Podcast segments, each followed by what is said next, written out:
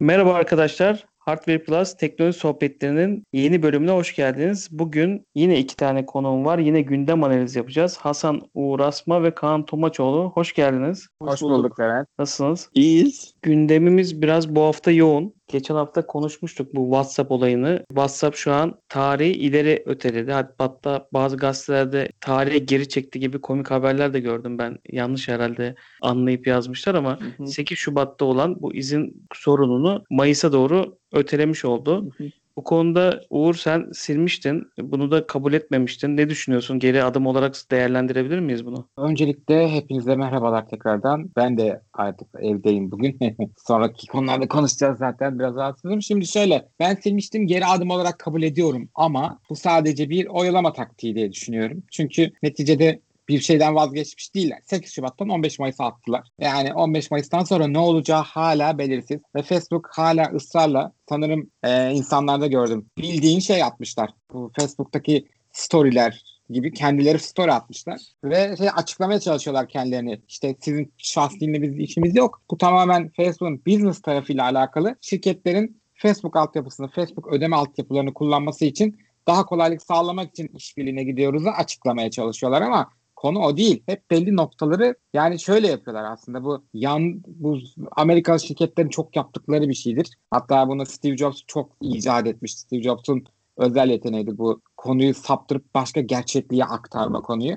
Bunlar da konuyu kişisel verilerden başka şeylere aktarıyorlar. Gerçekliği değiştirmeye çalışıyorlar bizim algımızdaki gerçekliği değiştirmeye çalışıyorlar. Yani bu çok yanlış. Yani bu da aslında bence doğru bir karar verdiğimi gösteriyor. Ben geri dönmeyi düşünmüyorum. Zaten çoğu insan e, şeye Telegram'a geçtiler. Hatta Signal'e geçen bile bir sürü insan var. Yani ne olacak bilmiyorum ama tabii iş için mecburen belli noktalarda faydalanmak zorunda kalacağız. Onu nasıl çözeceğim hiçbir fikrim yok. Şu anda orası da biraz muallakta. Ama şu var ki gerim adım atmayacaklar. Ben şeyi çok evet. merak ediyorum. Çok özür dilerim. Buyur. Yani şu durumda kendilerini böyle daha ikna etmek için insanları hani Şubat'tan Mayıs'a 3 aylık süreci işte demin anlattığın gibi kullanacaklar herhalde. Tamamen şey yapacaklar işte. Pazarlama ve gerçek algısını değiştirme.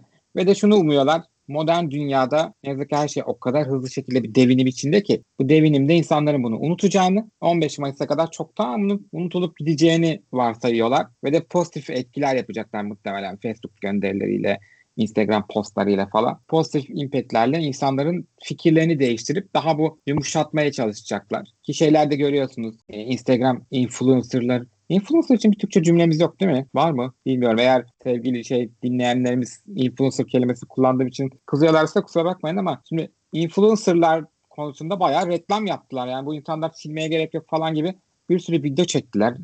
Etkileşimde bulundular. Bu bariz bence bir politika. Yani bir bu konuda ciddi bir yatırım yapıyor Facebook şirketi. Neticede Instagram'da onun. E tabi Instagram influencerları da para kaynaklarını kaybetmek istemedikleri için haklı olarak çünkü bu iş Instagram'da sıçacak. O da bir Facebook şirketi. Ondan korktukları için bence insanların fikirlerini değiştirmek için bol bir çaba var. Bu önümüzdeki 3 ayda bunun daha arttığını göreceğiz. Kaan sen ne düşünüyorsun bu konuda? Ben WhatsApp konusunda ya ben aslında WhatsApp konusunda şöyle bir iki şeyim var benim.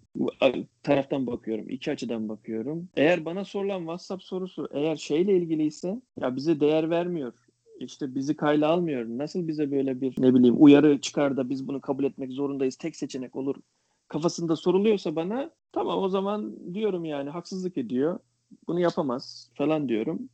Ama şey kafasında soruyorsa bana bir karşımdaki ya WhatsApp verilerimizi alıyormuş. İşte biz verileri aldığı için bunları bunu kullanmayalım. Artık buna bir işte e, dur diyelim gibisinden bir soru soruluyorsa ben buna sadece gülüyorum yani açıkçası ve şey yapmıyorum açıkçası. Yani çok bu konuyu kayla almıyorum.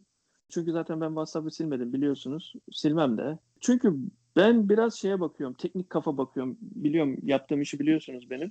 Ben teknik kafayla baktığım zaman sırf WhatsApp değil her şeyden kurtulmanız lazım. Eğer veri anlamında sıkıntınız varsa, verileriniz alınıyorsa, işleniyorsa, işlenmesini istemiyorsanız, bu big data denilen olay. Araya gireyim. Bu konuda açıkçası hani 3 ay ötelemeleri hakkında ne düşünüyorsun? Hani şu an geçen program zaten bunu konuştuk. Ya burada 3 ee, ama... ay öteleme olayı şeyden kaynaklanıyor. Tamamen muhtemelen yasalardan kaynaklanıyor. Ve ya düşünsenize siz milyon tane takipçiniz var. Bir yanlış bir şekilde bir lans, lansman yapıyorsunuz veya ne bileyim bir şey uyarı gönderiyorsunuz. Muhtemelen belli ki burada bir aslında be, beklentileri başkaydı. Başka yere çekildi veya gidildi ya da öyle olmak zorunda kaldı ve e, WhatsApp da bundan rahatsız oldu. WhatsApp'ı kullananlar da rahatsız oldu. Ve şeydi, bu politika onlara zarar verdiğini anladılar ve 3 e, ay daha öteleyelim dediler ki ben size söyleyeyim benim düşüncem 3 ay ötelendiği o gün günde kimseninkini kapatmayacaklar, etmeyecekler veya bence bu 3 ayda ılımlı bir şekilde düşüşe geçecek ve bu şey unutulacak. Böyle bir şey mi dendik bile denebilir belki gibisinden geliyor bana ve WhatsApp kullanımı devam edecek. Ee, ben de unutulacak ilgili, kafasındayım. Şey, şeyle ilgili sorarsanız da hani işte Telegram'a geçtim işte herkes Telegram'a geçti falan. Ee, şöyle söyleyeyim valla benim iletişim kurmak istediğim insanlar hangi programdaysa o programı kullanma kafasındayım açıkçası. Eğer WhatsApp'talarsa WhatsApp'ta kalmak zorundayım. Telegram'dalarsa Telegram'da kalmak zorundayım. Signal'i seviyorlarsa Signal'de kalmak zorundayım. O, ben o kafadayım yani. Sonuçta bu iletişim cihazları veya programları şey bizim hayatımızı kolaylaştırmak için. E, bedavaya kimse bir şey vermez. Yani sonuçta benim bu hayatımı kolaylaştırıyor. Geri geliyor iş yönetiyorsun. Geri geliyor aile paylaşımı yapıyorsun. Bir şey yazıyorsun aile grubunda. Hepsi birden öğreniyor. Hastayım diyorsun. Hasta olduğunu anlıyorlar. Tek tek aramıyorsun, etmiyorsun. Yani bu programlar insanların hayatlarını kolaylaştırsın diye olduğu için e, ben şey kafasındayım yani her zaman e, o ılımlı yaklaşmak e, taraftarıyım. Ben kullanırım. Sonuçta e, şey de değil. Hani yazdığım yazılar da çok önemli değil açıkçası.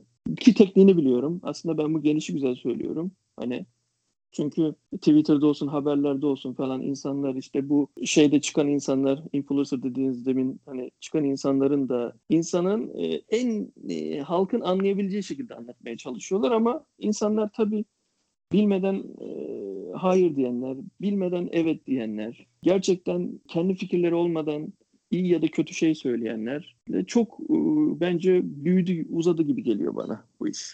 Ya ben de bu konuda açıkçası hani WhatsApp'ın bu şekilde hani bir şey dayatmasından dolayı insanların bence iyi bir tepki gösterdiğini düşünüyorum. Bazıları ya buna ne, ne gerek var? İşte demin senin söylediğin gibi zaten her yerimizden bu sistemin içine girmişiz. Hani bir tek WhatsApp mı kötü diyorlar ama ben açıkçası böyle bir tepkinin ve Mayıs'a atmanın bir geri adım atma olduğunu, olduğunu düşünüyorum. Çünkü inanılmaz bir Telegram indirme şeyi oldu. WhatsApp alt sıralara indi. Bunlar da sonuçta ticari olarak bakıyorlar olaya. Bazı alışkanlıkları kırmak çok zordur insanın hayatında. Hani bugün Google Play nasıl ilk ilk çıkan olmanın verdiği avantajı çok iyi kullanıyorsa WhatsApp'ta ilk çıkan benim. Zaten herkes kullanıyor. Bunu kimse tepki göstermez diye bence ilk bir adım attı. Baktı ki tepki geliyor. 3 ay bir öteleyeyim. İnsanları bir şekilde ikna edeyim tarafına geçti. Yaşayıp süreci göreceğiz. Ben de Uğur gibi hani bir şekilde bunu unutturmaya çalışıp yani zaten çok sıradan şeyler bunlar. E, bunu zaten yapmayan yoka getirecekler. Ama belki bu süreçte Telegram'a adapte olan Kaan'ın söylediği gibi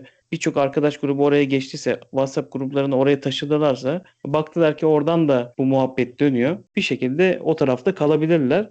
Bu arada 3 tane operatör bir araya gelip BIP ve yay konusunda destek vereceklerini, kotadan düşmeyeceğini buradaki paylaşımların söylediler. O konuyu nasıl değerlendiriyorsun Kaan? Ben o konuda şöyle düşünüyorum. Bu pandemi başlangıcındayken, 3 operatör için söylüyorum ben. Pandemi başlangıcındayken, ey 3 operatör diye hani var ya böyle bir şey neredeydiniz de insanlara neden e, böyle bir iyilik yapayım diye internette bir şey yapmadınız? E, ne bileyim işte indirim olur veya bedava olur EBA'ya girişlere e, kotadan gitmez veya ne bileyim farklı bir durum. Hani neden böyle bir şey yapmadılar da elim WhatsApp'ı e, böyle bir durum olduğunda e, niye biz üçümüz bir anda da toplandık birleştik de işte iki tane e, yazılımımız var.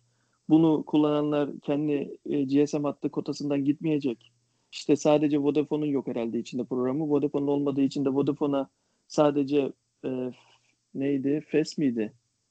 E, Red miydi? Bir paketleri var. O paketi kullananlar yaydan ve e, şeyden e, BIP'ten kota gitmeyecek. Bedava olacak. Yani anlayacağınız. Ben ona takıldım açıkçası ya. Hani ikisinin bir ikisinin programının hani önce, önce olmaları, üçünü birleşip işte bir araya gelmelerinden falan dan ziyade ben şeye çok takıldım. Neden o zaman bu kadar milyon insan e, herkesin evinde internet sıkıntısı yaşarken iyi kötü GSM hatlarından internete girebiliyorken e, neden yapmadılar? Ne olursa operatör olursa olsun EBA'ya girenlerin kotasından gitmeyecek. Atıyorum 8 GB'lık kotalı benim hattım var.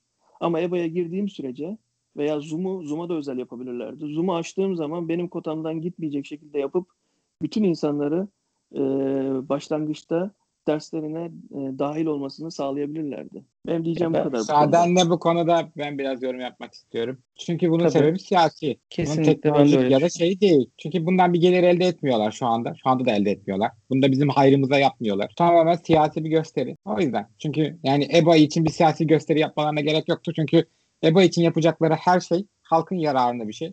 Hiçbir şirket para olmadığı sürece neticede bunlar SDK değiller. Baya baya kar amacı güden şirketler. Doğal Evet. olarak herhangi bir karlılık, herhangi bir geleceğe ki bu da bir karlılık hamlesi bu arada. Siyasi yatırımların hepsi ileride kendilerine ihale, yakınlık, kolaylık ve buna benzer şeylerde dönüş sağlayacağı için ve tabii ki de halka ve yani burada halka iyi görünmek için bunu yapmıyorlar bu arada. Sakın bizim için yaptıklarını düşünmeyin. Burada tamamen siyasilere, şu anda ülkenin yönetimindeki siyasilere bakın biz çekin biz TL şeylerine işte yerli milli şeylere yatırım yapıyoruz. Bakın üçümüz anlaştık biz çok milliyiz. Hey! imajı vermek istiyorlar. Yani bu senin benim hayrıma değil. Başka uygulamalar da yapabilirlerdi. Bunu tercih etmeleri zaten bir Türkcell'in yerli milli olduğunu iddia ettiği ama pek çok yapıldığı zaman şu anda dünyada kullandığını söylüyorlar. Kullanılan şirket altyapılarına falan baktığın zaman yerli falan pek olmadığını tahmin ettiğimiz, bildiğimiz bir uygulama. Farklı altyapıları kullanıyor. Yay dediğini ben deneyimlemedim. Sadece haberlerden duydum. Sanırım bir tür Facebook, Twitter'a benzeyen bir platform. Yani işte hem de kendi reklamlarını yapmış oluyorlar. Bu şekilde Bipe, Yaya şey geçirmiş oluyorlar işte kullanıcı kapmaya çalışıyorlar. Ama %99.9 siyasi. Senin benim hayrıma bir şey yapmazlar onlar zaten. Zaten bir şirketleri vatandaşın hayrına yani vatandaş için iyi bir şeyine zorlayacak tek bir şey var. O da kanunlar ve hükümetlerdir. Hükümetler bu adımları atmadığı sürece şirketler kendi çıkarlarına karşı olan hiçbir adımı atmaz. Onun derdi her zaman için en az altyapıyla, en az harcamayla bana en şey, pahalı şekilde satmak ve daha çok kar elde etmek. Bunun aksi yapacağı tek şey sadece ve sadece kanunlar zorlamasıyla olur. Bunu da bir şekilde kanun zorlaması olmasın ama şirini gözükelim bizi şey yapsınlar diye yapıyorlar. Yoksa tabii ki de bir saniyelik iş. Bu kanun zoruyla şey yaptılar bir şeyler oldu. Açtılar kısıtlamaları kaldırdılar uploadları downloadları bir süre.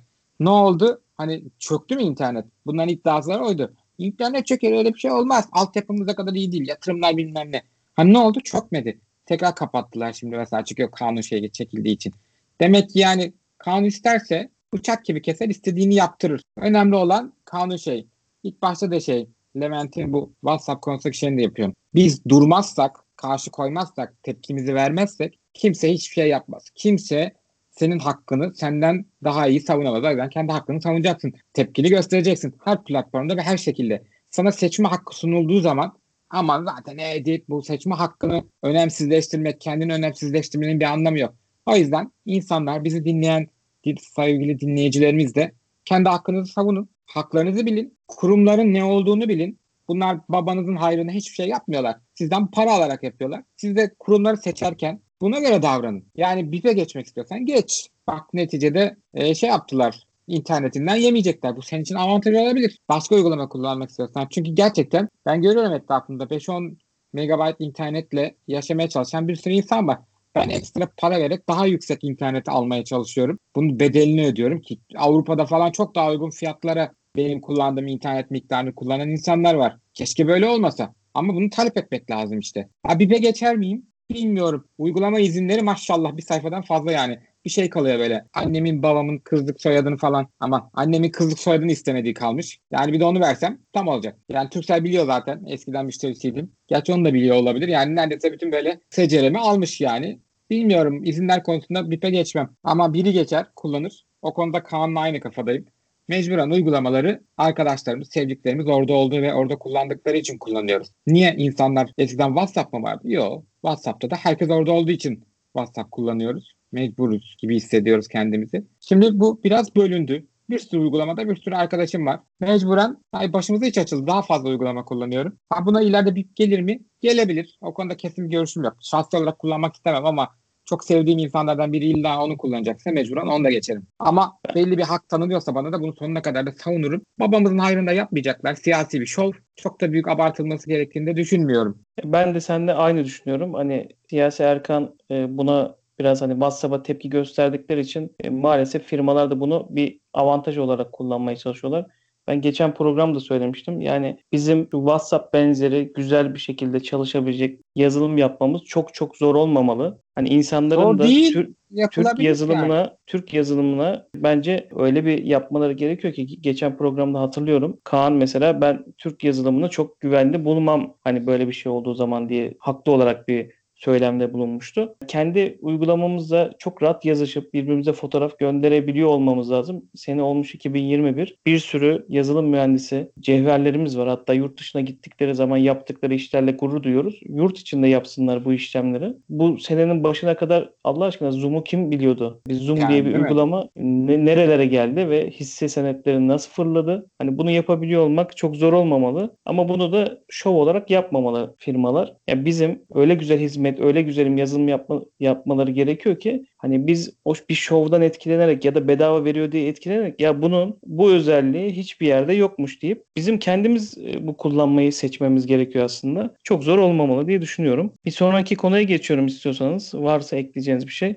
Benim yok tabii buyurun. O zaman bir sonraki konuya geçiyorum. Ee, Xiaomi'ye Amerika'dan e, kötü bir haber geldi. Bunun detayını Uğur sen bizle paylaşabilir misin? Tabii Levent'ciğim. Şimdi şöyle ticari kara listeye aldıklarını açıkladı. Amerika Ticaret Bakanlığı. Ee, bu ne anlama geliyor? Bu aslında çok da açıklayıcı bir şey yok. Ticaret Bakanlığı'nın internet sitesinde yazdıklarına göre şu anda sadece yatırımcılara yani yatırım fonu olanlara, işte bankalara, belli kurumlara Xiaomi'ye yatırım yapmayacaksın. Yatırımın varsa da bu yatırımı geri çekeceksin diye ultimatom verildi ve ay, yani Şubat sonuna kadar verildi bu ultimatom. Aslında çok kısa bir süre. Pek çok Amerika yatırım fonu Xiaomi'de hisseleri var, yatırım ortaklıkları var. Ortak projelerde çalışıyorlar. Xiaomi tabii Huawei gibi bir şey değil. Bir altyapı devi değil. Sadece çoğunlukla her şeyi üretiyorlar doğru ama Huawei mesela bu 5G'nin altyapısında, 4G'nin altyapısında yapan altyapı şirketiydi ve çok daha derinlere giriyordu. Xiaomi'de yine şeye suçluyorlar tabii ki de. Açık açık şöyle ifadeler vardı. Çin Komünist Ordusu'nun askeri konumunda görüyorlar Xiaomi'nin durumunu. Bu çok aslında endişe verici olaylar bence dünya için. Bu artık bildiğiniz şirketler arası ya şey ya da veri çalma olayı değil. Bu bildiğin Amerika ve Çin'in savaşı ve ticaret savaşı ve şirketleri üzerinden savaşıyorlar. Ve hiçbir şirket bunu istemiyor aslında. Yani Amerikalı şirketler Çinlilerle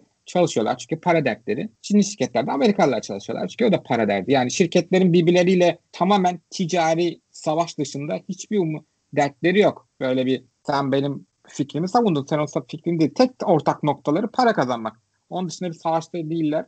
Ama iki devlet inanılmaz büyük bir savaş içindeler. 2-3 haftası kaldı Trump'ın gitmesine. Biden gelince bir şey değişecek mi? Orası tartışılır çünkü bu zamana kadar yani tabii çok şey değişti artık. Ama hani bu zaman kadarki siyasi protokollerde hiçbir başkan daha önceki başkanın verdiği emirleri pek değiştirmemiş. Başkanlık kararnamelerini. Biden'da iyi kötü incelerseniz böyle çok da böyle ben aman geldim kurtaracağım her şeyi yapacağım bir adam değil. Daha böyle bir su akar yolunu bulur hallederiz yaparız. Amerika'nın iyiliği için yapalım ama ortaya bulalım gibi bir adam.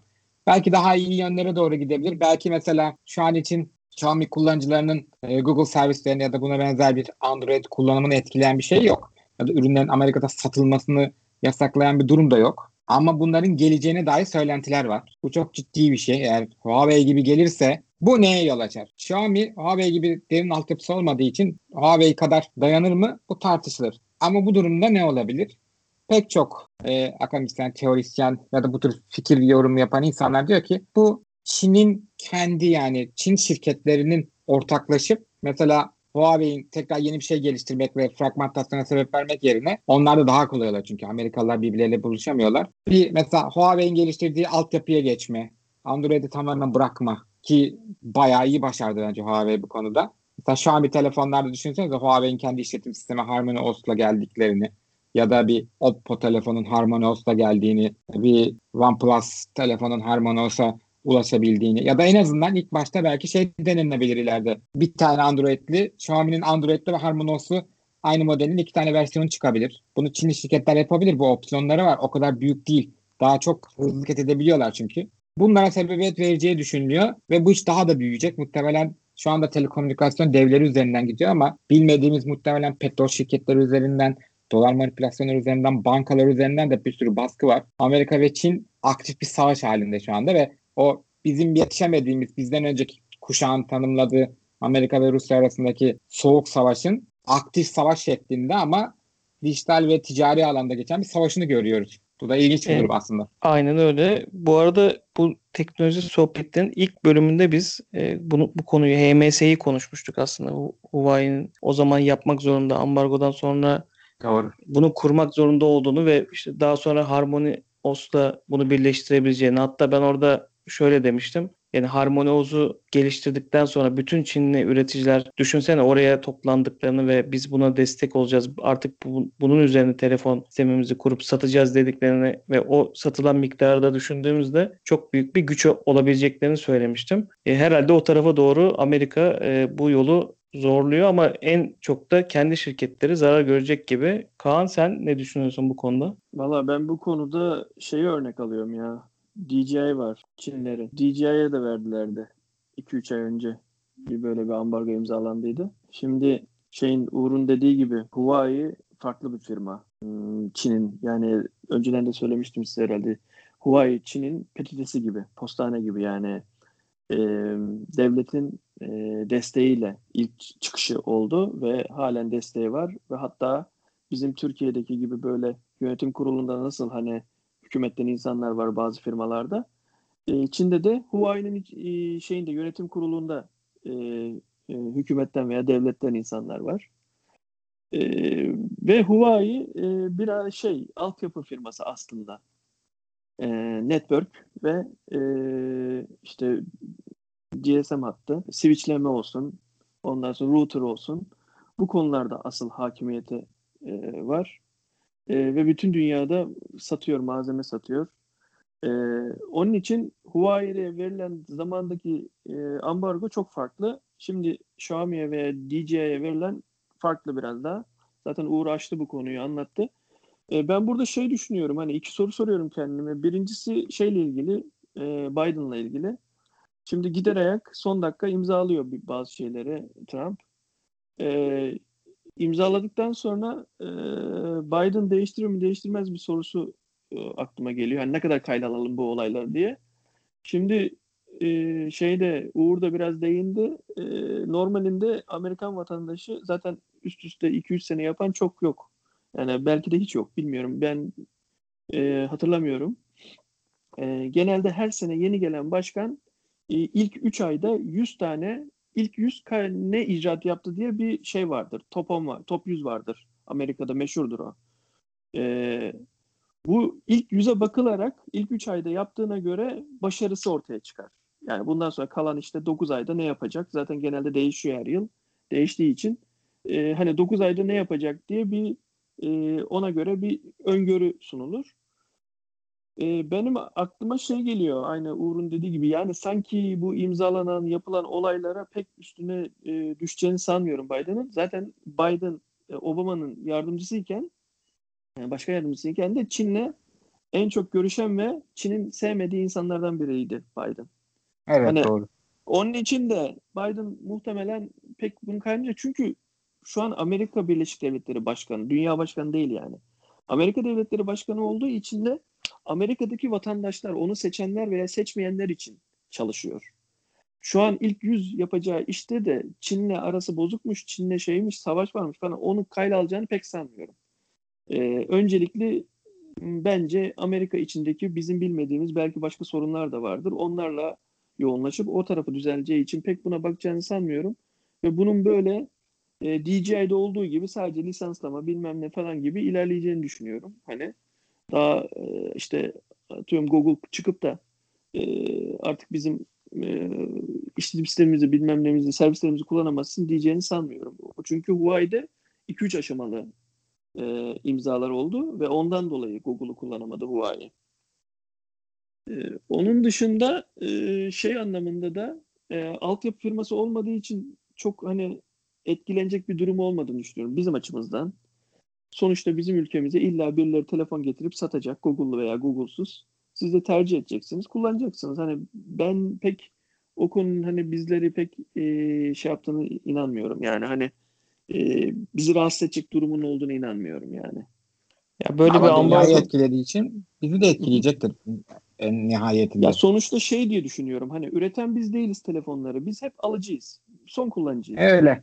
Ha, sen e, Xiaomi üretemezse Oppo üretir. Oppo'nunkini kullanırsın. E, Oppo üretemezse mevzu gelir, mevzu üretir, o, onu kullanırsın. Yani bu iş böyle.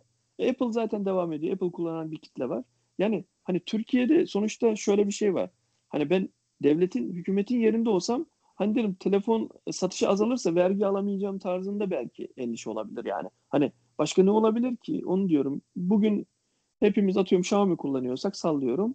E, kullanamayacaksak yarın e, başka bir şey kullanacağız. Sonuçta Xiaomi de burada e, 10-20 yıllık bir mevzusu yok yani hani. E, ben o açıdan bakıyorum ya. Hani Yani ben- bu ambargo yaparlarsa yani Amerika'nın en çok etkileyeceğini düşünüyorum. Yani şu anlamda e, sonuçta Xiaomi'nin e, ürettiği telefonun da bazı parçalarını Amerika'da ürettirip gönderiyorlar oraya. Ve büyük anlaşmalar yapılıyor bu, bu noktada. Hani burada bu şekilde bir ticaret savaşının yani bu hamleyle kazanabileceğini açıkçası Amerika tarafı düşünüyorsa bence çok yanılıyor. Ufak bir etkisi olur, düşüşler Bence olur bunun- vesaire. Bence bunun hesabını yapmışlardır. Şöyle hesabını yapmışlardır. Ee, atıyorum 1 milyon tane bilmem ne malzemesi satacağın satmaktansa o firmanın bu işi yapamamasından kazanacağımız kar diye iki kar veya kazancı hesabını yapıp bunları bilir kişileri ee, şey yapmıştır zaten. Ee, bence onun hesabını yaparaktan hangisinin daha zararlı, hangisinin daha zararsız olduğunu koymuşlardır ortaya. O dediğini şundan e, ben de şeyde düşünüyorum. Huawei zamanında düşünüyordum. Kar de. zarar olayını burada Aha. küçük bir girmek Ya istiyorum ben. Kusura bakma. şöyle, en son en son şunu söyleyeyim ondan sonra sen anlatıver kar zararı. Ben şeyi düşünüyorum. Hani Huawei mesela e, Huawei'ye vermeyerek Google mesela Google'a sormuşlardır bence. Amerikan hükümeti demiştir ki biz bu yasağı getiriyoruz ama size ne kadar zararı var? Google da demiştir ki e, belki onun servisleri kullanmaması yani satacağım para karşılığında belki benim burada e, farklı firmaya daha çok sataraktan daha çok para kazanabileceğim. Mesela Samsung'a daha çok belki para alıyordur servis için gibi. Oradan onu kurtarıyorsa önemli değil. Hani hükümetimiz ne diyorsa, devletimiz ne diyorsa biz o yolda devam ederiz demiştir belki Google. Hani bilemeyiz onu. Onu demek istiyorum. Ben burada siyasi olduğunu düşünüyorum yine. Yani burada kar, devletler kar zarar hesabı yaparken pek paraya bakmıyorlar. Burada çünkü Amerika'nın neredeyse bastığı paranın %80'i dünyada dolanıyor. Ve bu dünyada dolandığının da %90'ı garip ama Çin'de. Yani inanılmayacak derecede büyük bir miktar dolar Çin'de var ve Çin garip şekilde bunu stokluyor yani ve ve işte nasıl bizde de bono devlet tahvili çıkıyor ya Amerika'da da var. Ve bu devlet tahvillerinin çoğu da Çin şirketlerinde ve Çin devletinin elinde. Amerika bu gücünü kaybetmek istemiyor yani ekonomik gücünü. Dünyadaki o her şeyi ben bilirim. Çünkü adamlar ne diyorlar? Most powerful man. En dünyanın en güçlü adamı diyorlar kendi liderlerine. Dünyanın başkanı gibi görüyorlar. Ama işte bunu kaybetmek istemiyorlar. Bunu kaybedecekler çünkü Çin şu anda bile ekonomik olarak Amerika'nın çok çok az altında. Yani ve bu gidişte onu geçecek ve onu geçmesi de istemiyorlar. Bu tamamen siyasi ve Amerika'nın tüm hamleleri bu. Yani Google ona satamazsa başkasına satar derdinde. Tabii ki de şirketlerini düşünüyor. Amerikalı şirketler bu konuda Amerika devleti Amerika şirketlerini düşünür. Amerika devleti elemanı düşünür. Vardır ya bu. Hiçbir Amerikalı hiçbir zaman yalnız bırakılmaz, terk edilmez falan hesabı. Ama öyle olmayacak. Yani bunlar dediğim gibi bir sürü hesaplar yapıldı. Ama pek ticari hesaplar olduğunu düşünmüyorum bunun. Tam tersi böyle güç hesapları yapılıyor. Çünkü devletlerin olayı o zaten. Güç savaşı. Bu arada nasıl bizim devletlerimizde de kendi aralarında bir şey olduğu zaman biz vatandaş eziliyorsak orada da yine şirketler, vatandaşlar ezilecek bu güç savaşında. Bize kesinlikle dokunur ama. son yorum yaparak konuyu kapatayım. Hani bu Çin'e akıtılan paranın da Amerika'dan çıkıp oraya gitmesinin de planlı programlı bir şey olduğunu düşünüyorum. Hani Amerika'nın şu şu anda yaşadığı böyle çok yani kimse bundan üstten önce kongre binası basılacak dese kimse inanmazdı. Ama bu şekilde aciz gösterilmesinin sebebinin de hani o tarafa 2008'den beri belki o tarafa aktarılan sermayenin aç- açıkçası sorunları buraya getirdiğini düşünüyorum ve hani o yenilemez havasının da dünyanın en büyük gücü olarak gösterilen Amerika bakın nasıl Çin gibi bir devlete bile yeniliyor havası tüm dünyada yaratılmak istendiği için küresel sermayenin o tarafa kayıp üretimi oraya aktardıklarını düşünüyorum. Ve buradan da istiyorsanız Samsung S21 lansmanına geçelim. S1, S21 lansmanı yapıldı. Yeni Exynos iş, işlemciler tanıtıldı. Bir önceki seriye göre %30 daha CPU değerlerine ulaşıldı, anlatıldı. Farklı bir tasarım var. Siz ürünleri görebildiniz mi? Lansmanı takip edebildiniz mi? Açıkçası ben kendi yorumumu yaparak başlayayım. E, fiyatlar özellikle Türkiye için baktığımızda Oo, çok evet. yüksek ve burada kutudan çıkartılan Apple'ın başlattığı şu şarj olayı var. Şarj adaptörünü onlar da kutudan çıkartmış durumdalar ve şu an herhalde 9900'den başlamıştı satışı S21 5G ve ben şu an epey'e baktığım zaman Amazon.com.tr'de 9904 liradan satış gördüğünü görüyorum. Diğer sitelerde 9999 da başlıyor. Ultra'da herhalde 15999 yani 10 bin liradan 16 bin liraya giden bir fiyat skalası var. Uğur sen de başlayalım burada. Ne düşünüyorsun Samsung S21 ailesiyle alakalı? Şimdi Android dünyasında biraz uzağım farkındaysanız. Ben biraz fazla Apple ekosistemi içinde olan bir insanım. Apple ekosistemi içinde olmayan tek cihazım herhalde Xbox'ım var. Ama şu var ki ben tasarımsal olarak cihazları beğenmedim. Özellikle bu kamera şeyini adası bence çok çirkin olmuş. Ama şey en üst modeli olan Ultra modeli çok güzel. Hani geliştirmeler, içindeki teknolojiler gerçekten güzel. Exynos'un en azından artık Snapdragon'un arkasında kalmayacağı inancı bende biraz oluştu. Yani bu sefer yapmışlar. En azından şu andaki şeyler, sentetik testler Exynos'un çok iyi olduğunu gösteriyor. Tabii bu ne olur ileride? Yeni Snapdragon çıkacak. Ona ne olacak falan. Bu tamamen farazi şeyler. Zaten sentetik testlerine kadar güveneceğimiz de tartışmalı ama fiyat politikası ne yazık ki artık Türkiye'nin yeni gerçeği bu. Yani 10 bin liranın altında artık telefon orta segment. Yani flagship dediğimiz amiral gemisi telefonların hiçbir artık 10 bin liranın altında olmayacak. Bu ne kadar acı bir gerçek ve bu bununla yüzleşmek istemiyorum ama çok kötü bir şey. Yani geliri 10 bin liranın altında olan hiç kimse artık amiral gemisi telefonu falan alamayacak yani.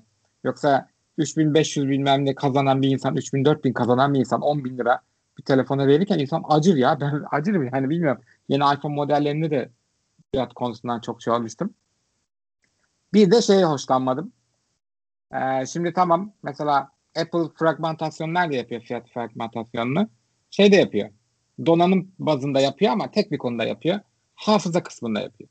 Onun dışında belli küçük şeyler hariç iPhone 12 mini ile iPhone 12 Pro Max hemen hemen aynı. iPhone 12 Pro Max'te kamera gelişmesi çünkü fiziksel olarak alan yaratıldığı için orada küçük oynamalar yapmışlar. Bunu ara ara yapıyor. Hani büyük telefonuyla. Çünkü iPhone 12 mini, minnacık bir telefon gerçekten. O kamera yapısını oraya sokamazsın. En azından şu an sokamamışlar belki. Ama onun dışında ekran kaliteleri aynı. RAM miktarları biraz değişiyor ve hafıza miktarı değişiyor. O da yine fiziksel bataryalar değişiyor doğal olarak. Fiziksel boyutla alakalı.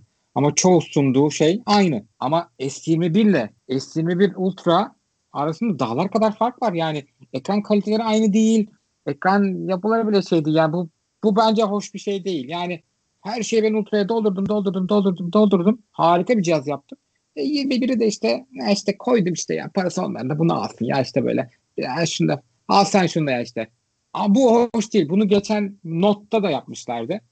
Ee, Note 11 serisinde yanlış hatırlamıyorsam. Bu bence hoş değil. Biraz satın alacağın müşteriyi böyle biraz salak yerine koymak gibi geliyor bana. Bilmiyorum. Şeye gelirsem hele zaten bence bunu hep yapıyor.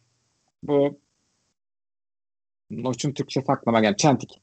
Çentik mevzusunda da aynısını yapmıştı. Bir sürü reklam yayınladı, yayınladı. Sonra hepsini sildi. Kendi tükürdüğünü yaladı. Ne oldu? İlk Çentik'li çıkaran telefonu yine şey olmuştu. Samsung oldu. Sonra yine şey 3,5 milimetre jack çıkaran ilk Samsung olmuştu. Abicim yapma o zaman. Al. Power 1'i çıkartacağım bizde var diye o kadar şey yaptılar güç adaptörünü. Ne oldu? İlk çıkartan yine Samsung oldu. E bu yapma bunu işte. Yani bu bence ticari olarak çok komik duruma düşüyorsun. Yani kullanıcı şimdi niye bunu seçsin? Ya çok komik değil mi sizce de bence? Dalga geçtiğin şirketin yaptığı ilk hamleleri ilk sen yapıyorsun. Ve sonra dalga geçtiğin videolarını, tweetlerini siliyorsun. Ki bu tweetlerin çoğu da ki bakın tweetlere Twitter for iPhone yazıyor yani. Samsung tweetleri iPhone'dan atıyor yani. O zaman ajansın da konuş. Bunu tabii ki de Samsung yapmıyordur da o zaman konuş ajansınla Twitter'ı iPhone'dan tweetler atmasınlar yani. Bunu yapamıyorsan koskoca Samsung temizin.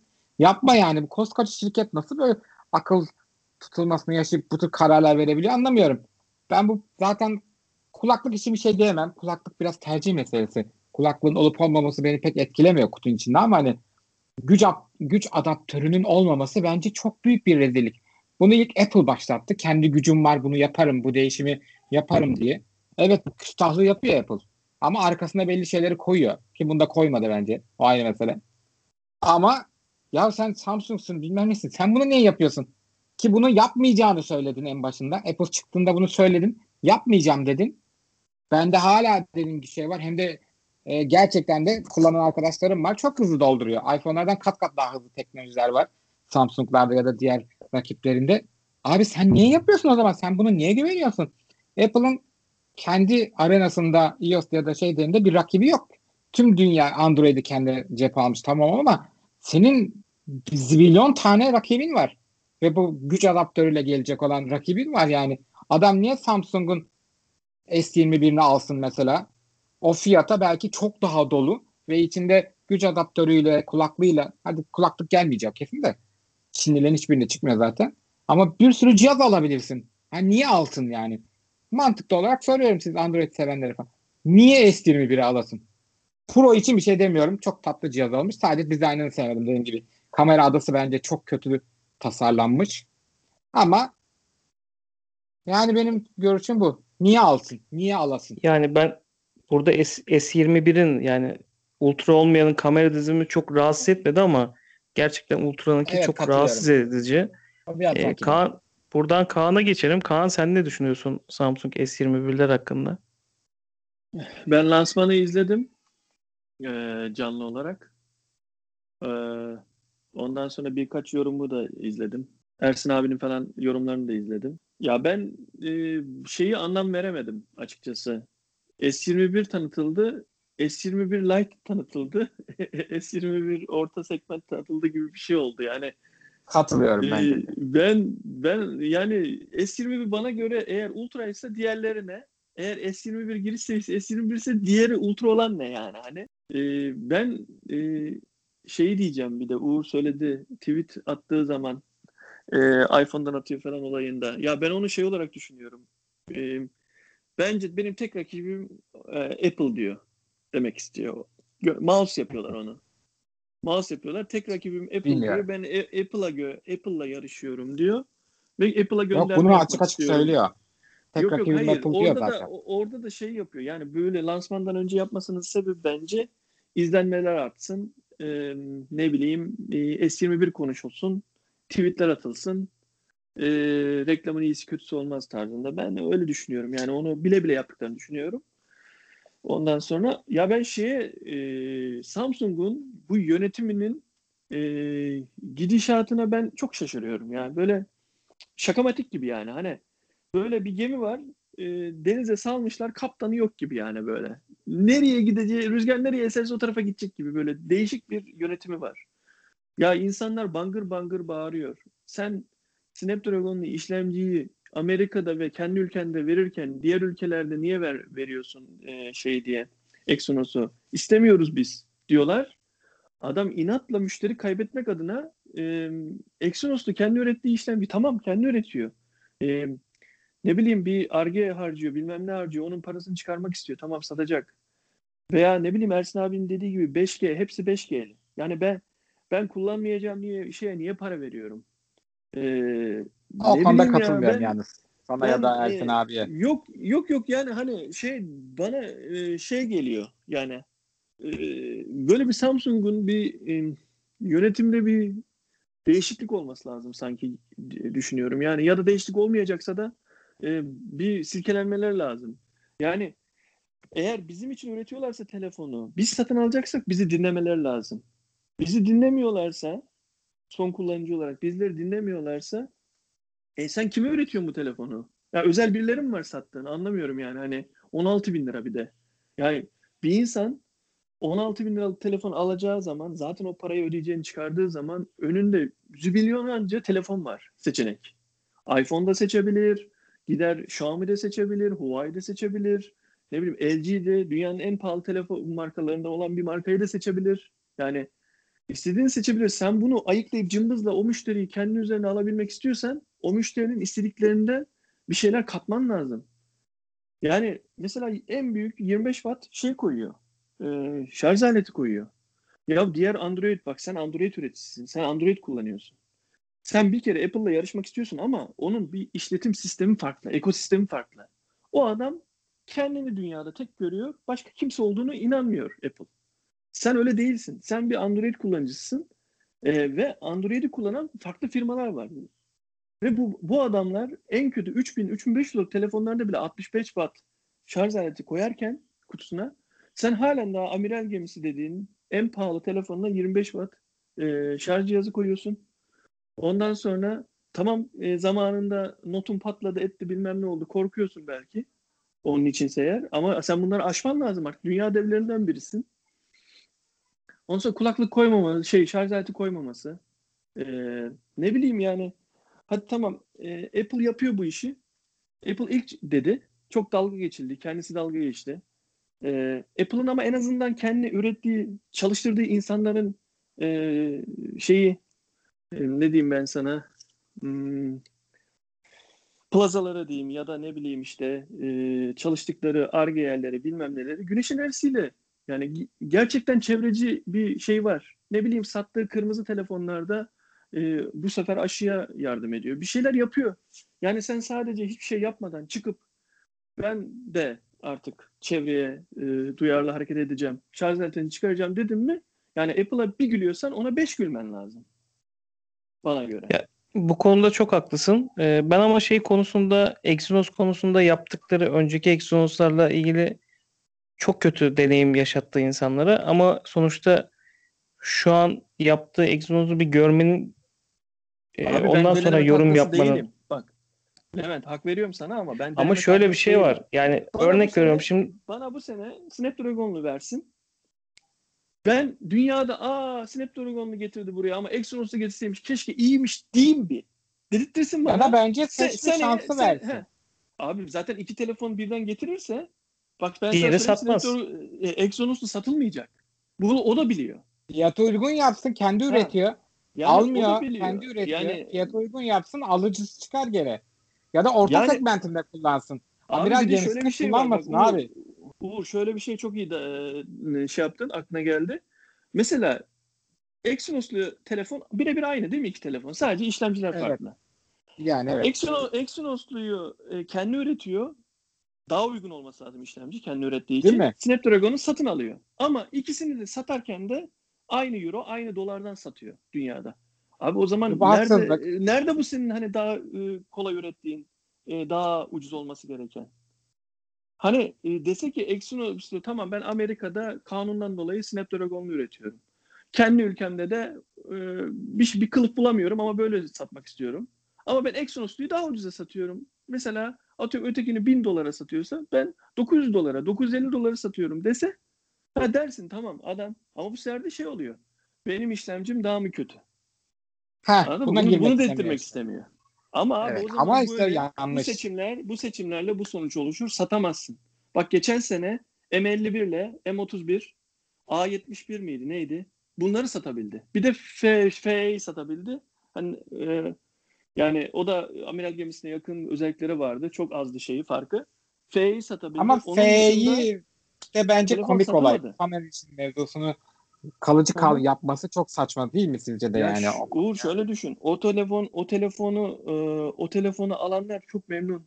Gidip niye 10 bin, bak 6 bin liralık telefon 10 bin liraya e, e, şey var, Note 20 vardı. ya E F konusunda ona- ona- hiç katılmıyorum Kaan sana. Çok yok. memnun olan hiç Hayır. tanıdığım yok. Hayır ben Yani şöyle oyun oynarken bile Şimdi kasıyor yani. Şöyle düşünüyorum. Abi parasına göre Ben hiç 16 bin lira verip bak 16 bin lira 16 bin lira verip S21 alacaksın. 6500 lira verip FE alacaksın. Arada 10 bin lira 6500 fark var. A- a- o- 10 bin lira fark var arada. Onda yaşadığın zevkin çoğunu onda da yaşarsın. Geçen konuştuk ya resim çekiyorsun. Daha iyisi ne yani hani? Yok Yani- doğru orada haklıyım ama alt, alt, Ha. haklısın ama 6500 liraya kasmayan o fiyata çıkmadan bile telefon buluyorsun artık şu dönemde. O S yani o Ha, ya F fark konusu, etmez. Xiaomi al, e, fark büyük fiyasko bence yani. Demek istediğim şey Ona da yani hani 16.500 liraya ne veriyor sana hani? Ne veriyor yani hani? Ben de onu diyorum. Anlatabiliyorum Yani- yani. Yani Çok güzel söyledin. Eğer bu Pro'su en ultra bilmem nesi eğer S21 ise S21 ne? Neden var? Eğer S21 girirse bu Pro Ultra'sı niye var? Başka bir telefon resmen ya. Tasarımı başka, şeyi başka. Başka bir telefon yani. Git başka bir şey adıyla çıkar. Yani Ya ben- S21'ye ben- kamera çık. Kalem Ben desteği şey- geldi mesela. yani, e, gerek şey var? olur bak işlemci farkı olur. Ee, ne bileyim RAM farkına da karşıyım ben. İşlemci farkı olur. Ekran boyu farkı olur. Ekran boyu farkı olduğu için de bataryası farklı olabilir. Ben buna okeyim. Yani. Bu üç tane okeyim.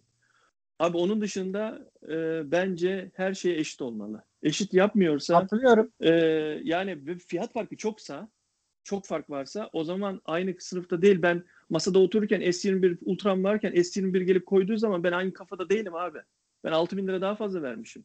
Yani bunu halka doğru değil de Samsung'a dönerek söylerim. Benim e, yerimi başka yere koyacaksın abi. Aynı yere koymayacaksın derim. Kaan burada tek ayrıştığımız nokta bir önce telefonları görme taraftarıyım ben. Hani bir çıksın, bir performansları test edilsin, son kullanıcı yorumları bir görülsün. Ben sadece şurada Exynos'lar eski deneyimlerinden dolayı e, eleştire de hak veriyorum. Ama Samsung da bununla ilgili ağzı çok yandı, çok kayıp yaşadı ve Ryzen'la da bildiğim kadarıyla bir anlaşma yaptılar. Daha onla, onların ürettiği, ona özel üretilen işlemcilerle telefonlar çık, çıkmadı ama ben açıkçası bu serideki işlemcinin eski serilere göre çok üzmeyebileceğini düşünüyorum şu an. Yaşayıp görmek lazım. Asıl işlemciyle ilgili Exynos bak tamam diyecekleri serinin ben de S22 ya da S23 ailesinde Ryzen'la yaptıkları işbirliğinde meyvelerini alacaklarını düşünüyorum. Bunları yaşayıp bence göreceğiz. Aynen katılıyorum. Ama bu seri gene satmayacak bence. S20'leri Kesinlikle. de satamadılar. 21'leri de satamayacaklar. Note Valla serisine ben, ben de ben de aynı şekilde Ben düşünüyorum. Satacağını zannetmiyorum. Ama em, e, alanları da üzmeyecektir. T- tamam telefonları iyi aslında. Hani şey anlamında. Ee, o güzel telefonlar. Ta yani- tasarımı kötü ama Ya bilmiyorum yani hani e, ama şeye dikkat etmesini istiyorum.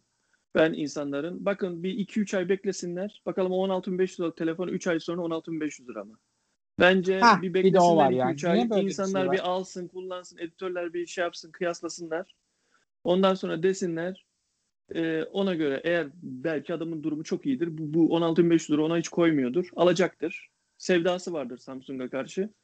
E, ama yine de beklesin derim. En azından şey yapmasın. E, e, ne bileyim böyle salak yerine konmasın. Yani hani çünkü elin Amerikalısı veya kendi ülkesindeki adam 888'i kullanırken ki geriye dönük baktığımızda çok iyi bir derecede bir işlemci olduğu belli. Her sene üstüne kata kata geliyor. Ne bileyim yani bence beklesinler, bir görsünler testleri ondan sonra alacaklarsa alsınlar. Ön siparişe Evet. falan girmesinler yani. Zaten geçen hafta lansman oldu. Şu an Amazon.com.tr'de 100 lira ucuza çıkmış S21. Yani şu an ultralarda bir fiyat değişimi yok ama çıkarken bence fiyatı düşüyor ya. Böyle bir saçmalık aynen var. öyle. Aynen öyle. Onun için beklemek en doğru yol. Bir de işte eskiyi getir, yeniyi götür gibi işte kulaklık kampanyası vesaire gibi şeyler yapmaları lazım ki bu fiyat bandını da hani sadece Türkiye olarak düşünmeyin. Diğer e, ülkelerde de fiyatlara baktığın zaman ucuz fiyata çıkmıyor. Onun için rakiplerinin çok büyük avantajları var. E, Samsung'a e, bol şans diliyoruz S21 satışları konusunda. Hemen son Aynen, konumuz katılıyorum. olan Türkiye'deki aşılamanın başlaması olayına gelelim. E, çok şükür aşılarımız geldi. E, öncelikle sağlıkçılardan başlayarak aşılamalar başladı. E, aramızda Uğur da sağlıkçı. O da aşı olan bir kişi. Senden bu konuyla ilgili açıkçası detaylı bilgi bekliyoruz Uğur. Ne diyorsun bu konuda? Ee, tabii ki. Öncelikle son konu sağlıkçı olduğu için yine benden başlamış oldu.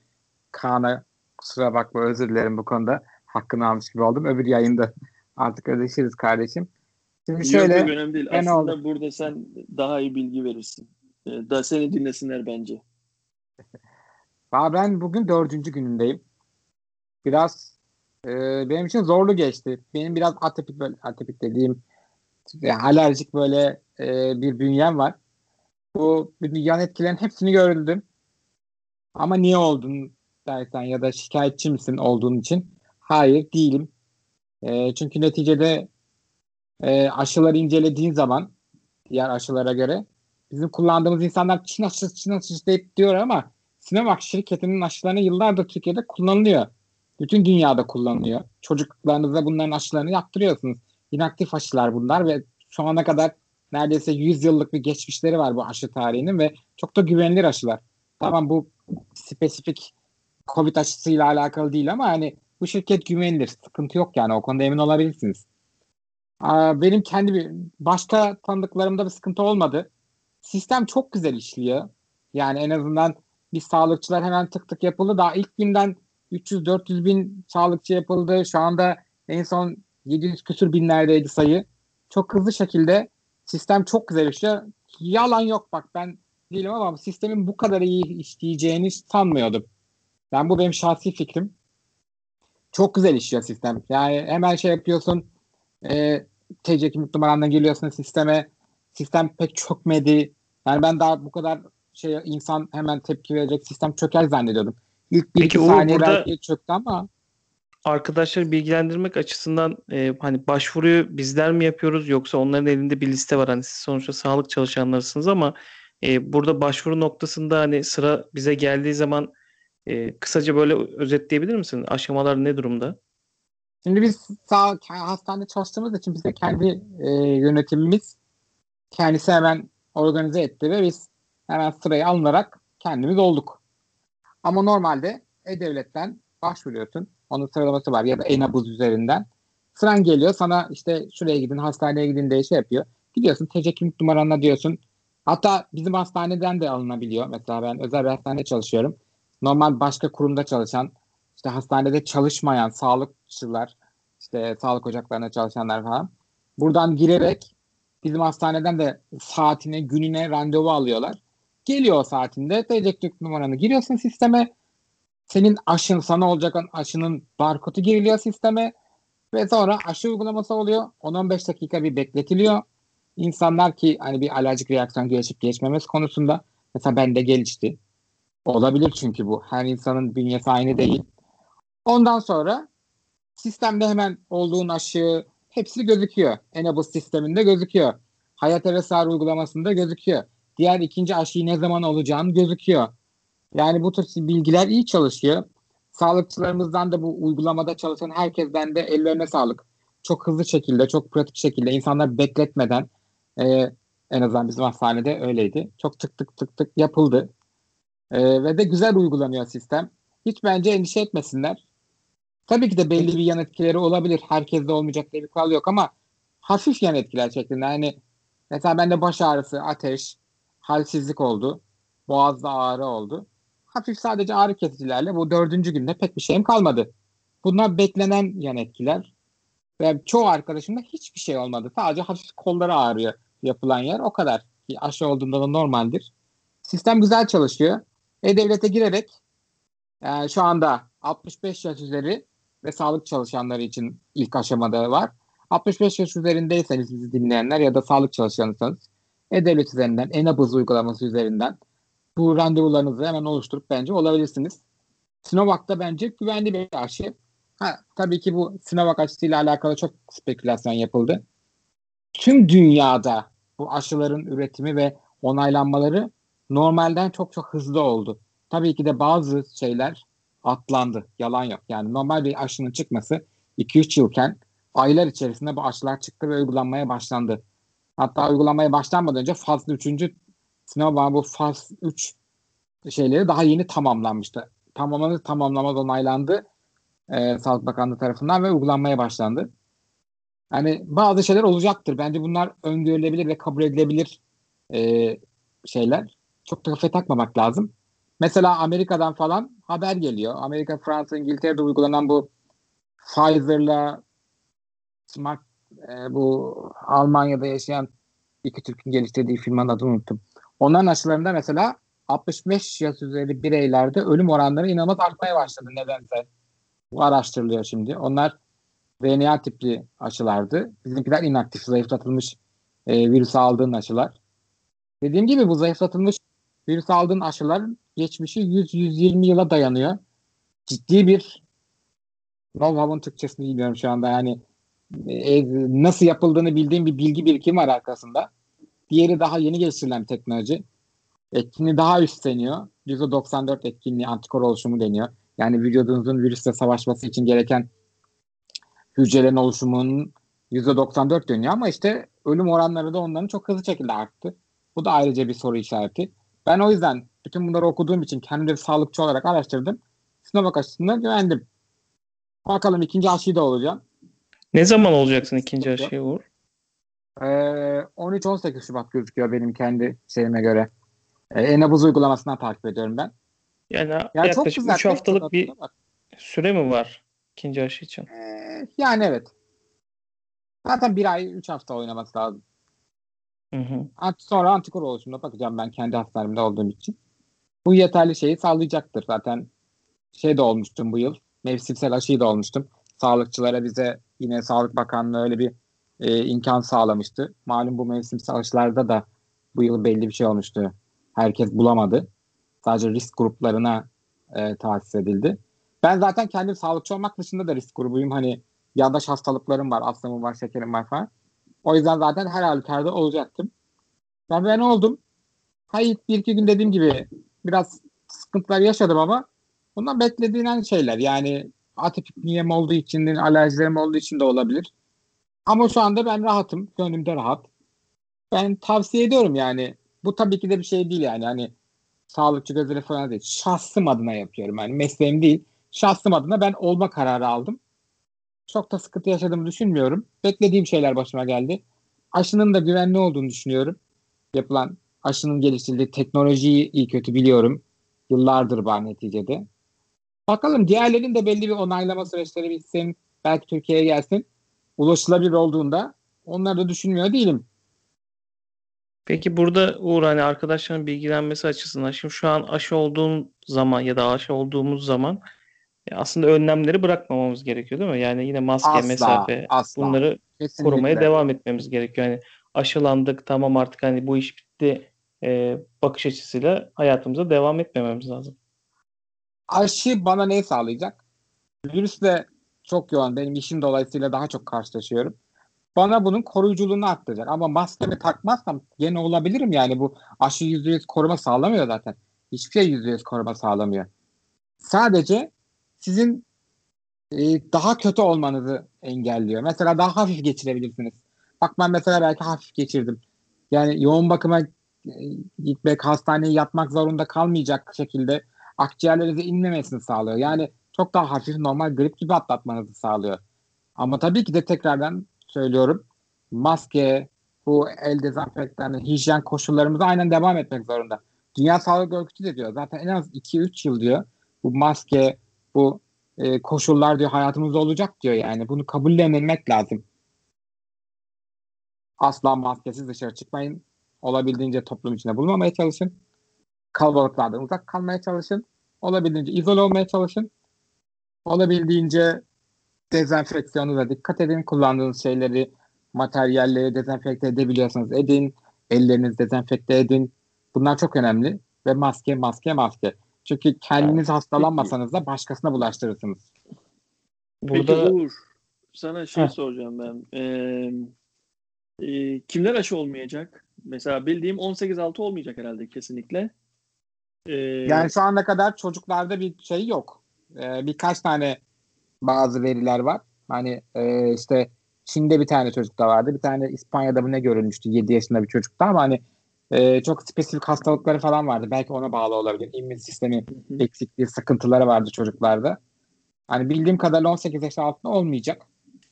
Çünkü onlar Peki daha 20-40 düşük arası seviyede. nasıl olacak? 20-40 arası gibi bir bilgi var mı? Yani onlar sonuçta şöyle. Ben bir geçen şey olacaklar.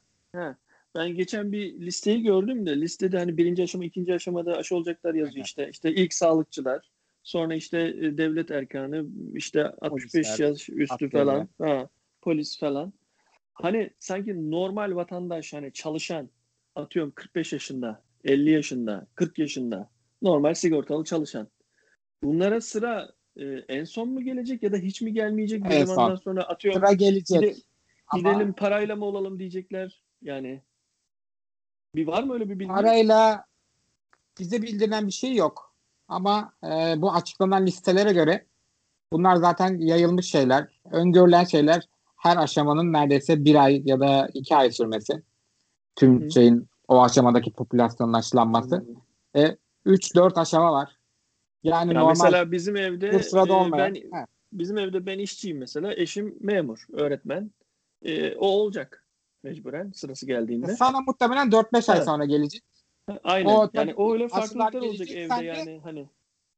Ay ama bu işte belli bir klasifikasyon yapma bu kompartmanı ayırman lazım. Çünkü herkese aynı anda bu hizmeti veremezsin. Sizin muhtemelen 4-5 ay sonra işte E-Devlet üzerinden yine başvurarak sıra alarak yapılacaksınız Anladım. diye Ben- düşünüyorum. Şu an bence de- muhtemelen onlar o zaman sonra karar verilecek şeyler bence. Şu anda muhtemelen acil olarak işte ön hatlarda savaşan insanlar işte sağlıkçıları, askerleri ve de birincil derece risk grubunda olan insanlar. Çünkü sen e, kendini koruduğun müddetçe birinci derece risk grubunda değilsin. Eğer evinde çalışıyorsan e, sürekli bir işe gitmek zorunda değilsen. Ama işte bu sefer de şey doğacak gibi geliyor bana da bakalım onu zamanla yaşayınca göreceğiz. Mesela atıyorum e, iyice şeyler düştüğü zaman ki düşüyor bu arada muhtemelen ikinci dönem okullar da açılacak bu düşüşten dolayı. muhtemelen Yani- evet. Aha, yani bunu bir tartıyor sonuçta bilim kurulu falan e, bilir kişiler. E, bu tartımda sonunda atıyorum mesela diyecekler ki normale döndük gibi yani okulları açacak şey açacak mesela şimdi patronlar da diyecek ki artık ofise gelin azaldı iyice ama biz aşılı değiliz mesela. O çünkü o çalışan grup yani işçi olarak e, çalışan grup e, en son aşı olacak grup ama muhtemelen normale döndüğü söylenirse bilim kurulu tarafından hani azaldığı ya da e, ilk işe koşturup gideceklerde yine risk grubu düşük görünen ama e, işe gitmek zorunda olan insanlar olacak. Onlar da bence hızlı şekilde yapılır. Çünkü e, bence öngörülenden daha hızlı şekilde işleyen sistem. Çok daha hızlı şekilde yapılıyor. Ben şey istiyorum açıkçası yani kendi 3-4 ay içerisinde herkes olur bence. Yani Ben 3-4 yine ay kendi kişisel e, şeyim, düşüncem şey hükümetin bu konuda yumruğu masaya koyup her şirketinde mesela 50 yaş 50 sayıdan yüksek veya ne bileyim bir şirketlerde zorunlu koşmasını şirket tarafından zorunlu koşmasını bence e, sağlamalılar. Yani Ya bence ben- görüşülüyordur ve böyle şeyler patrona yapılabilir. bırakırsan patrona bırakırsan yaptı yani umursamaz bence. Ben o tür Ya şeylerin açık- olacağını düşünüyorum. Maskeye yaptıkları gibi ilk başında sınırlamalar geleceğini bu şu an itibariyle aşının dağıtımı tamamen devlet kontrolünde. Hı hı. Muhtemelen kara borsası bunun oluşamadı daha şu anda. Çünkü üretim kapasiteleri bunun için yeterli değil. Yani çoğu aşı e, bizim mesela bize niye geldi bu aşıdan çoğu? Biz e, şeyin üçüncü fazında ve hatta bir de ikinci fazında şey vardık bu aşının üretim aşamasında devlet olarak bunun içindeydik. Nasıl şirketler de bunun içinde olan para yatırmış devletlere önceden üretip veriyorlar hemen hızlı şekilde. İşte benzer şekilde bu Almanya, işte Amerika diğer nasıl bu diğer Pfizer'ın şeyini aldılar. Mesela Pfizer şu anda sadece onlarınkilerini karşılayabiliyor. Başka yere satamıyor çünkü şey yapmıyor yani üretim kapasitesi yeterli değil. Bütün dünya 8 milyar insanı aşılamak bir yılda yani Dünya Sağlık Örgütü iki, yani iki yılı geçer diyor tüm dünya nüfusunun aşılanması. Ki aşılanacak nüfustan bahsediyorum. Dünya nüfusundan netice çocuklar hiç aşılanmayacak olan o 18 yaş grubuna kadar olan şey de sayı da inanılmaz fazla. Düşünün yani iki yıl diyor tüm nüfusun aşılanması. Yani belli bir zaman alacak. Korunmaya o yüzden önem gösterin. Aşı olunca da bitmiyor işte. O yüzden devam devam maske önlemler aynen devam edecek. Sadece hafifleyecek diye düşünüyorum. Ve hemen Ya ben- hafifleyeceğini de öngörmüyorum. Okullar mecburen pek çok dünya devleti Amerika'da bunun İsviçre'sinden tut Finlandiya'sına her yer pek çok kurumu kapatıyor ama okulları açmak zorunda kalıyorlar. Çünkü bu eğitim başka bir kurum. Bütün dünya anladı ki bu online pek olmuyor. Bizden daha iyi sistemleri olduğunu inandığımız Avrupa devletleri bile bunu anladılar. O yüzden özellikle hiç okuma yazma bilmeyen küçük çocuklar için mecburen açmak zorundasın okulları. Yani online bir çocuğa sen okuma yazma öğretemezsin. O yüzden açacaklar yani. Mecbur oldukları için. Bir de bu ekonomi için de kötü bir şey. O yüzden olabildiğince normal, normalleşmek istiyorlar ama rahat bir 4-5 ayı var bu işin herkesin olmasına. Ama bence çok hızlı şekilde çalışıyor. E-Devlet sistemi de buna güzel adapte etmişler. Bu kadar şaşırdım. Yalan yok valla. Yani bence sen de olmak istediğin zaman, sıra geldiği zaman hemen olacaksın. Bir gün içerisinde halledilecek yani. Çok da hızlı şekilde devam edeceğini düşünüyorum. O zamana kadar daha fazla aşı gelir. Sadece hastanelere değil muhtemelen sağlık ocaklarına da yaygınlaşacaktır bu. Herkes hızlı şekilde olacak.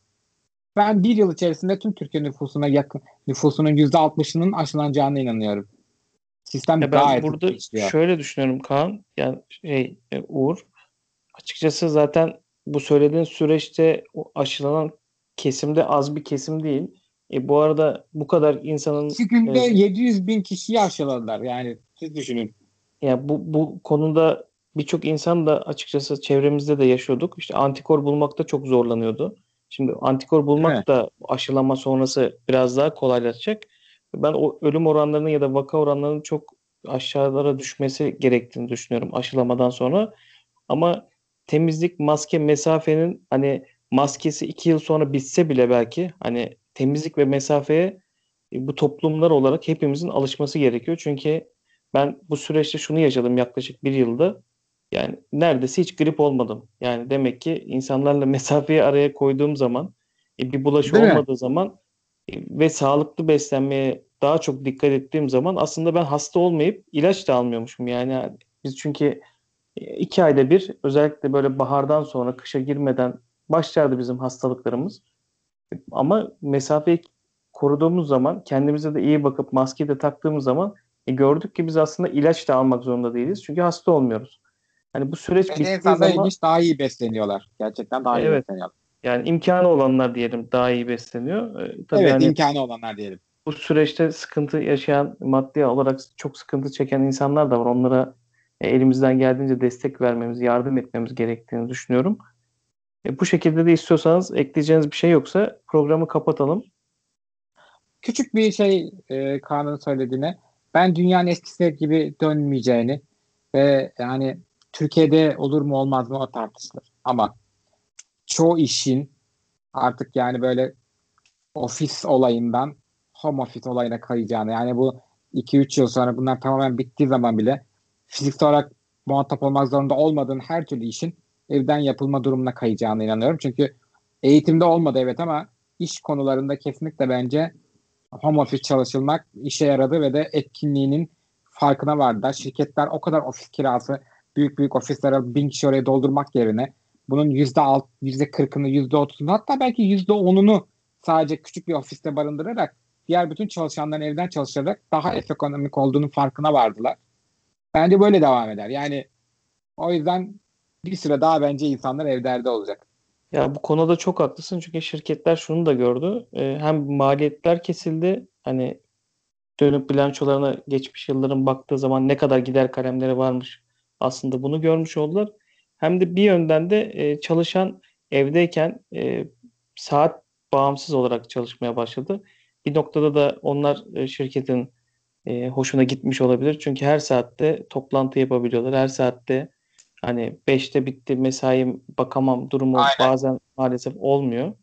Onun için e, ben de seninle en fikrim en azından sözleşmesi olan işte 2 yıllık, 3 yıllık, 5 yıllık belki bir ofise sözleşme yapan firmalar o sözleşmelerin sonunda oturup bu seçenekleri e, daha ufak bir ofiste mecbur gel- gelmesi gereken kadrolarla bu işleri döndürebileceğini, mümkün olan kişilerin de evden ya da dış ofislerde çalışabileceğini e, planlayarak yollarında böyle gidecekler diye düşünüyorum. Bir ofiste Çok- 20 kişiyi doyurmak var bir de 100 kişiyi doyurmak var. O bile bir fark yaratıyor düşün yani masrafta ya da 20 kişi için kalem almak var 100 kişi için kalem almak var. Bu bile ne kadar bir kalem şey masraf yani gidiyor masraf kalemi. Tabii bir de dönüşüm gerçekleşti. Yani ilk başlarda biz de çalışırken dedik yani ofis olmayınca biz işimizi nasıl yapacağız, çok zorlanacağız gibi bir durum oldu ama insanoğlu her şeye adapte olabilen bir varlık. Bu sürece de açıkçası adapte olup işlerimizin başındayız hala. Çalışmaya devam ediyoruz. Aynen. Çok keyifli bir sohbetti arkadaşlar. Bir başka Hardware Plus teknoloji sohbetlerinde görüşmek üzere. Hoşçakalın. Hoşçakalın. Hoşçakalın.